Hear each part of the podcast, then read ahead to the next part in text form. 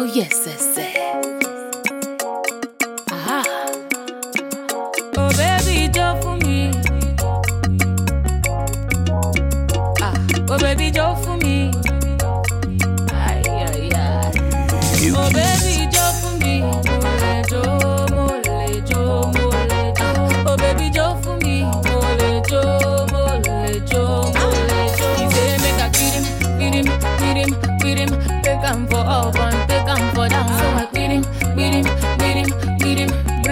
down and I take am around.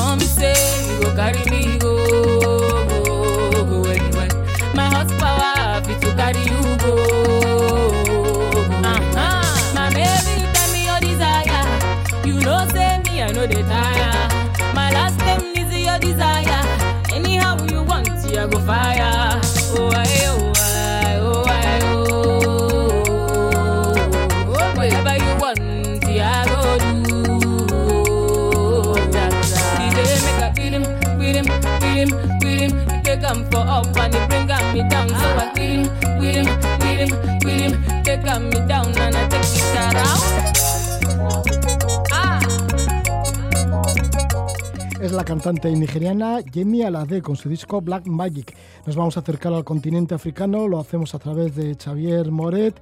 Xavier Moret, que nació en el año 1952, periodista, escritor, fue en 1998 cuando publicó su primer libro de viajes, América América, Viaje por California y el Far West, que tuvimos la oportunidad de hacerle una entrevista en este mismo programa en Levando Anclas.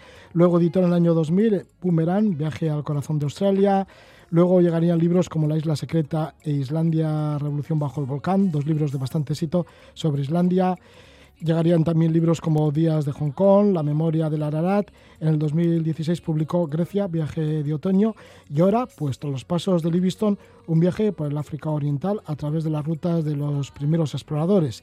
Está centrado en países como Kenia, Tanzania, Uganda e inclusive el Congo. Es el segundo libro de Xavier Moret sobre África, porque anteriormente editó otro con el título de La sombra del Baobab, en el cual pues, recorría una parte del África Austral. Le damos la bienvenida a Xavier Moret. Xavier, Gabón, buenas noches. Buenas nit. Hola, buenas noches. Bien, bueno, pues sí, que te vuelves de nuevo al continente africano y es que sí, declaras tu amor en las primeras líneas a este continente y a los mapas, ¿no? Porque no sé si ese amor se inició, pues eso, mirando al Atlas y viendo todos esos espacios que hay en el continente africano, que te gustaría ir a visitarlos.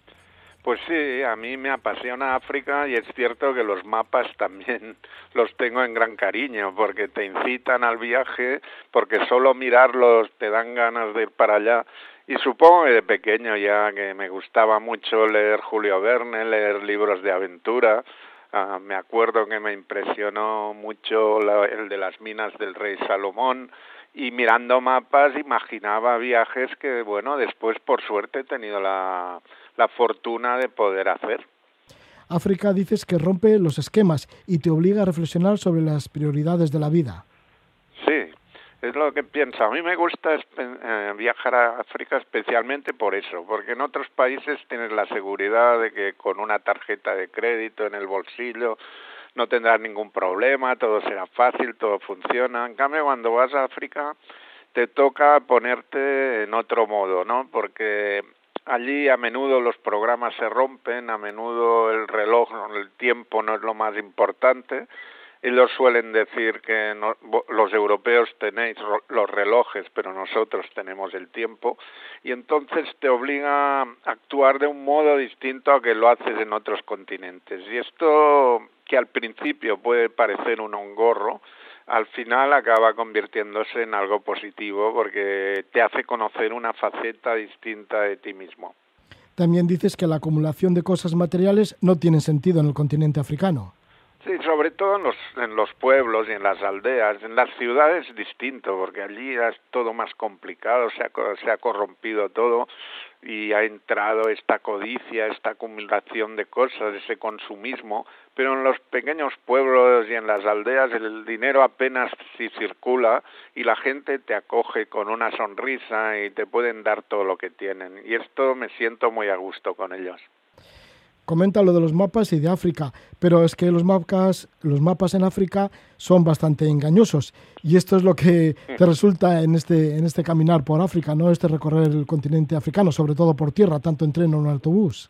Sí, porque un mapa africano de entrada tiene esas líneas rectas que impuso el colonialismo europeo que poco tienen que ver con la realidad. Son unas fronteras impuestas, ya que decía el gran Kapuscinski que allí no había esa conciencia nacional, se funcionaba más por tribus, por etnias, por relaciones entre familias, pero te encuentras con eso. Y además mirar un mapa africano no tiene nada que ver con mirar un mapa europeo, porque en Europa ves 100 kilómetros y dices una hora en coche. Allí no, puedes encontrar una carretera que está hecha un asco, que ha habido lluvias, que hay socavones, que hay mucho barro y un viaje en autobús se puede convertir en una aventura, aunque en principio podría parecer corta, puede alargarse varios días y más aventura todavía cuando, por ejemplo, en la ruta que elegiste, seguiste los pasos de Livingstone. Bueno, el subtítulo del libro es un viaje por el África Oriental a través de las rutas de los, de los primeros exploradores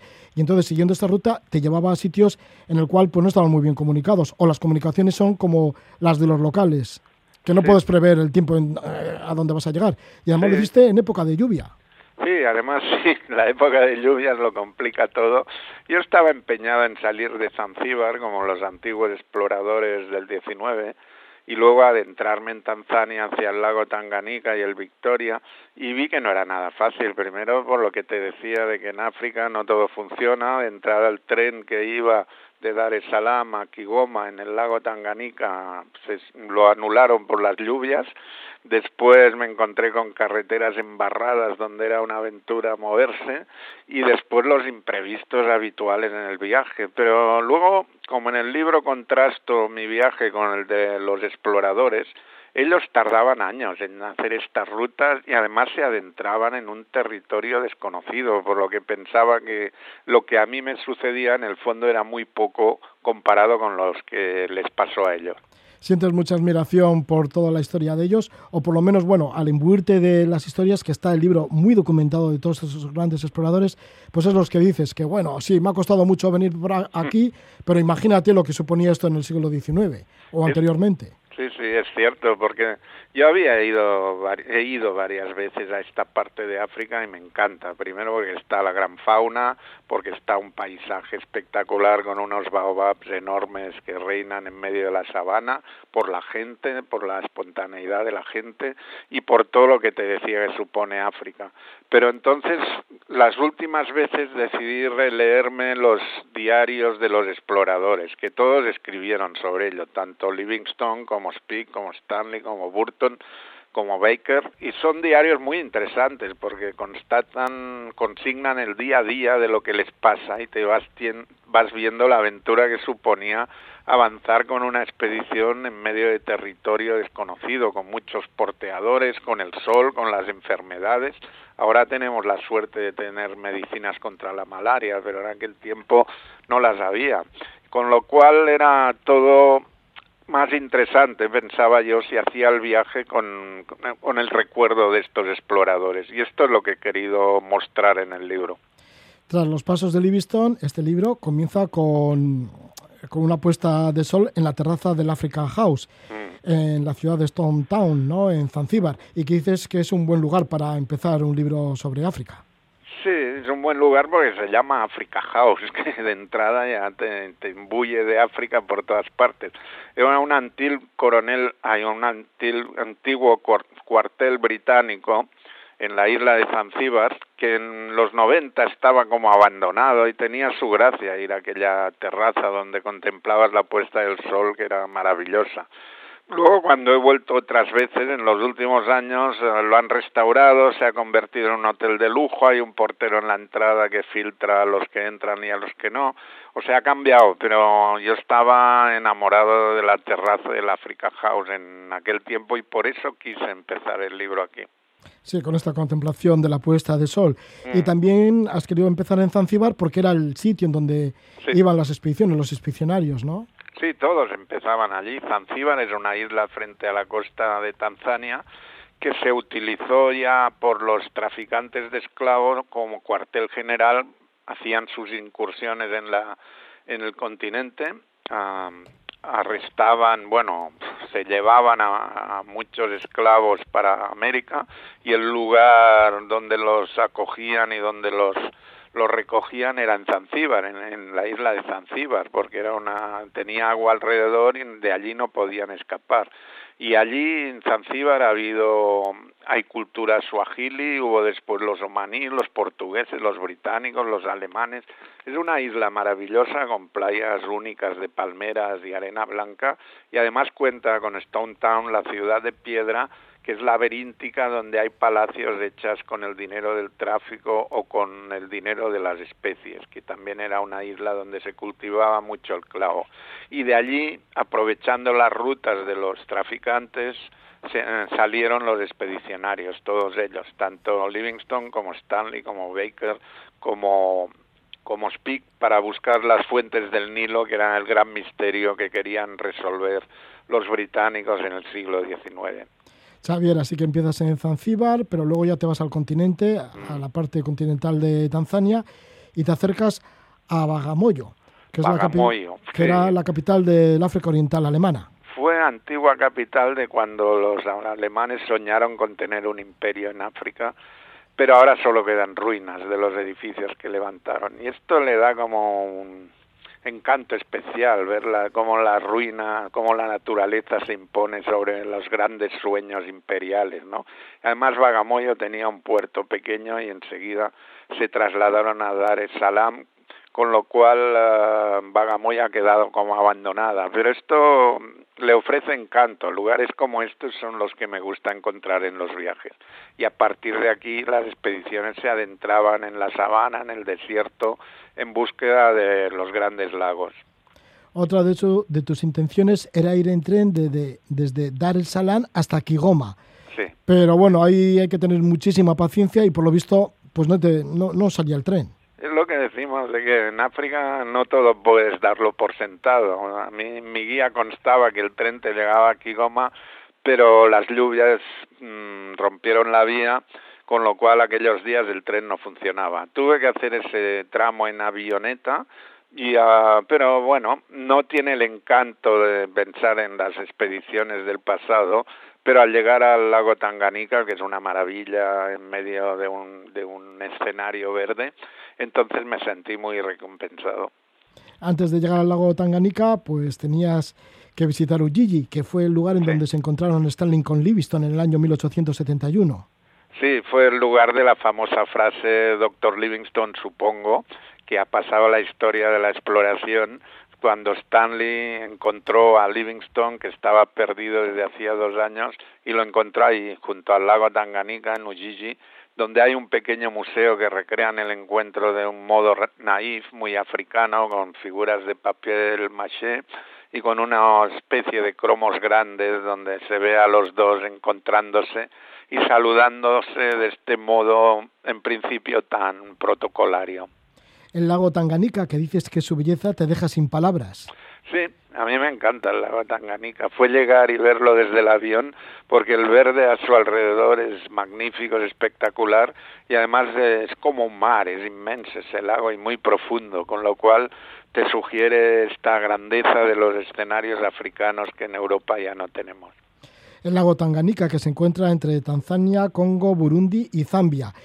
Y de allí te fuiste a Enwansa a orillas del mismo lago, pero bueno, para, hasta llegar, para llegar hasta allí tuviste un larguísimo viaje en autobús de lo más peculiar. Y divertido, bueno, entre comillas, claro. cuando lo cuentas es divertido. Cuando, cuando piensas en él. En el momento no tanto, porque te encuentras accidentes, barros, socavones, todo tipo de, de, experiencias de ese tipo que cuando te encuentras en algunas partes de África son absolutamente normales, pero que hace que el horario estalle en pedazos, ¿no? Entonces yo en estos momentos pensaba, como cuenta Colin Zabron, gran autor de viajes, que cuando lo pasas mal en un momento así en un viaje, se te viene a la mente qué mal momento estoy pasando, pero qué buen capítulo saldrá. Es, el consuelo que te da. Sí, porque el autobús salió solo tres horas de, con, solo tres horas de retraso. Mm. Iba completamente lleno, sentado la gente, uno, los pasajeros, unos encima de otros y así. Para colmo, pues tuvisteis, bueno, hubo un accidente en la carretera que un camión volcó y, bueno, bloqueaba la carretera y demás. Y luego, bueno, pues por fin llegas a en Wansa. sí, y allí vas a una pensión en donde te alojas, tampoco era una pensión demasiado buena. ¿Cómo, ¿Cómo es esto un poquito de llegar cansado de un viaje que no sabes ni cuándo vas a terminar y luego además pues llegas a una pensión que está llena de mosquitos, que está medio sucia, que no puedes ni descansar porque el colchón vete a saber cómo es? Bueno, esto sucede cuando vas en un autobús de esos y llegas muchas horas después de lo previsto, es de noche, no hay nadie en la calle, te fías del primero que pasa y acabas en una pensión de paso en la que no se duerme nada bien. Pero bueno, al día siguiente compenso y me busco un hotel junto al lago Victoria en el que puedo recuperarme del esfuerzo. Por suerte los europeos tenemos la ventaja de viajamos con euros o con dólares y podemos eh, compensarlo el malestar que tienes algunos días durante el viaje. Luego estuviste en otro hotel ya a orillas del lago Tanganica que, que, disfrutaste un montón. Del lago Victoria. Oh, del lago Victoria, sí, perdona. Sí, y además ya, ya ves que este es el gran lago donde nacen en el Nilo y ya te das cuenta de que estás en la dirección correcta. Sí, la dirección correcta, que para ti era seguir la, la estela de los exploradores y te llevó a Uganda, el siguiente país. Uganda, sí, a Kampala. Y de Kampala hacia las fuentes del Nilo que es el desagüe del lago Victoria y que son una maravilla, porque es cuando llegó a Spik allí en 1960, 1862.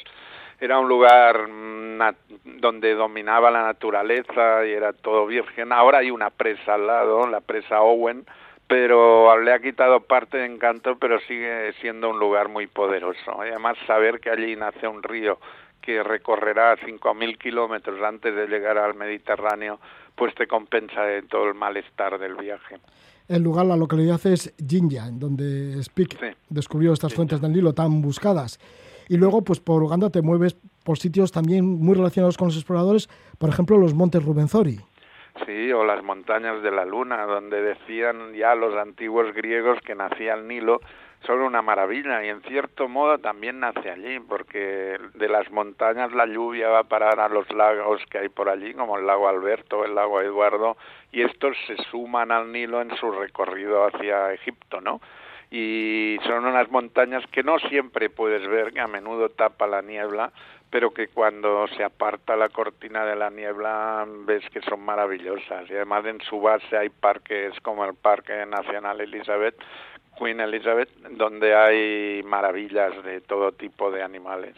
El colofón, ya que hablas de los animales, el colofón de este viaje por Uganda era llegar a la selva, a la selva impenetrable de Mwindi, en donde están los gorilas de montaña. ¿Qué sucedió allí? Bueno, en Mwindi hay gorilas, que es por eso la gente viaja hasta allí. A mí me gusta mucho ese que se llame el bosque impenetrable, le da ya un aire peliculero pero allí pagando puedes visitar los gorilas de montaña durante una hora, pagando un precio cada vez más caro, por cierto, porque viene gente de todo el mundo, y allí te encuentras cara a cara con los gorilas, que son el, el macho, que es un silverback de 200 kilos y 2 metros de altura, es el que controla la manada y te observa de un modo que, te tiemblan un poco las piernas. Además, en mi caso, sí, uno de los gorilas se hartó de nuestra presencia y pegó un par de empujones a los visitantes que decías, bueno, pues parece que es el momento de marchar. Y acabamos marchando, claro. Acabasteis marchando y el siguiente país ya fue Kenia. ¿Cómo te fue por el Lunatic Express? Bueno, el Lunatic esta vez en el último viaje no fui, había ido hace muchos años y es un tren eh, especial, es el tren creado por los británicos para colonizar el centro de África, ¿no? Salía de Mombasa, sigue saliendo de Mombasa y llega hasta hasta hasta Kenia, donde se embarcan para Uganda los pasajeros pero ahora los chinos han creado un tren nuevo que va diez veces más deprisa y que está dejando al Lunatic Express para el museo. De todos modos, hay un pequeño museo en Nairobi donde puedes visitar el pasado de ese tren en el que viajaban, que sale, por ejemplo, en Memorias de África, cuando Robert Redford, bueno, lo hace parar para cargar los colmillos de los elefantes que ha matado. Vamos a terminar, vamos a dar un salto, porque sí que estuviste recorriendo bastante de Kenia, también de Tanzania, en diferentes parques nacionales y demás, mm. pero vamos a situarnos en la sexta parte del libro, que es Congo. Sí. ¿Y en Congo estuviste en Goma? Sí, en Goma. Yo quería acabar en Congo porque es donde Stanley, el último, el gran explorador Stanley, pero un hombre cruel, se alió con el rey Leopoldo de Bélgica, que tenía entonces el Congo como una finca particular y masacraron a los indígenas, lo, fue un escenario de crueldad terrible y quería también contar esto, que no toda la exploración era un romanticismo de, búsqueda de fuentes del Nilo y cosas así, sino que también puede, podía ser un escenario de crueldad como el que cuenta Joseph Conrad en su novela El corazón de la oscuridad. El corazón de, las tinieblas, ¿no? De las tinieblas, perdona. Sí, sí, Bueno, pues esta es este es el nuevo libro de Xavier Moret. Estábamos deseando que apareciera una nueva publicación de Xavier Moret porque es uno de los grandes escritores, para mí, desde luego que sí, uno de los grandes escritores de, viajes. Entonces, bueno, pues siempre es una gran noticia tener un nuevo libro tuyo. Este lleva el título de Tras los pasos de Livingston, un viaje por el África Oriental a través de la ruta de los primeros exploradores. Lo edita Península. Muchísimas gracias por estar con nosotros, Xavier Moret, y que vaya todo bien y que sigan los viajes y que sigas escribiendo para bien de los lectores. Muchas gracias a ti, Roger.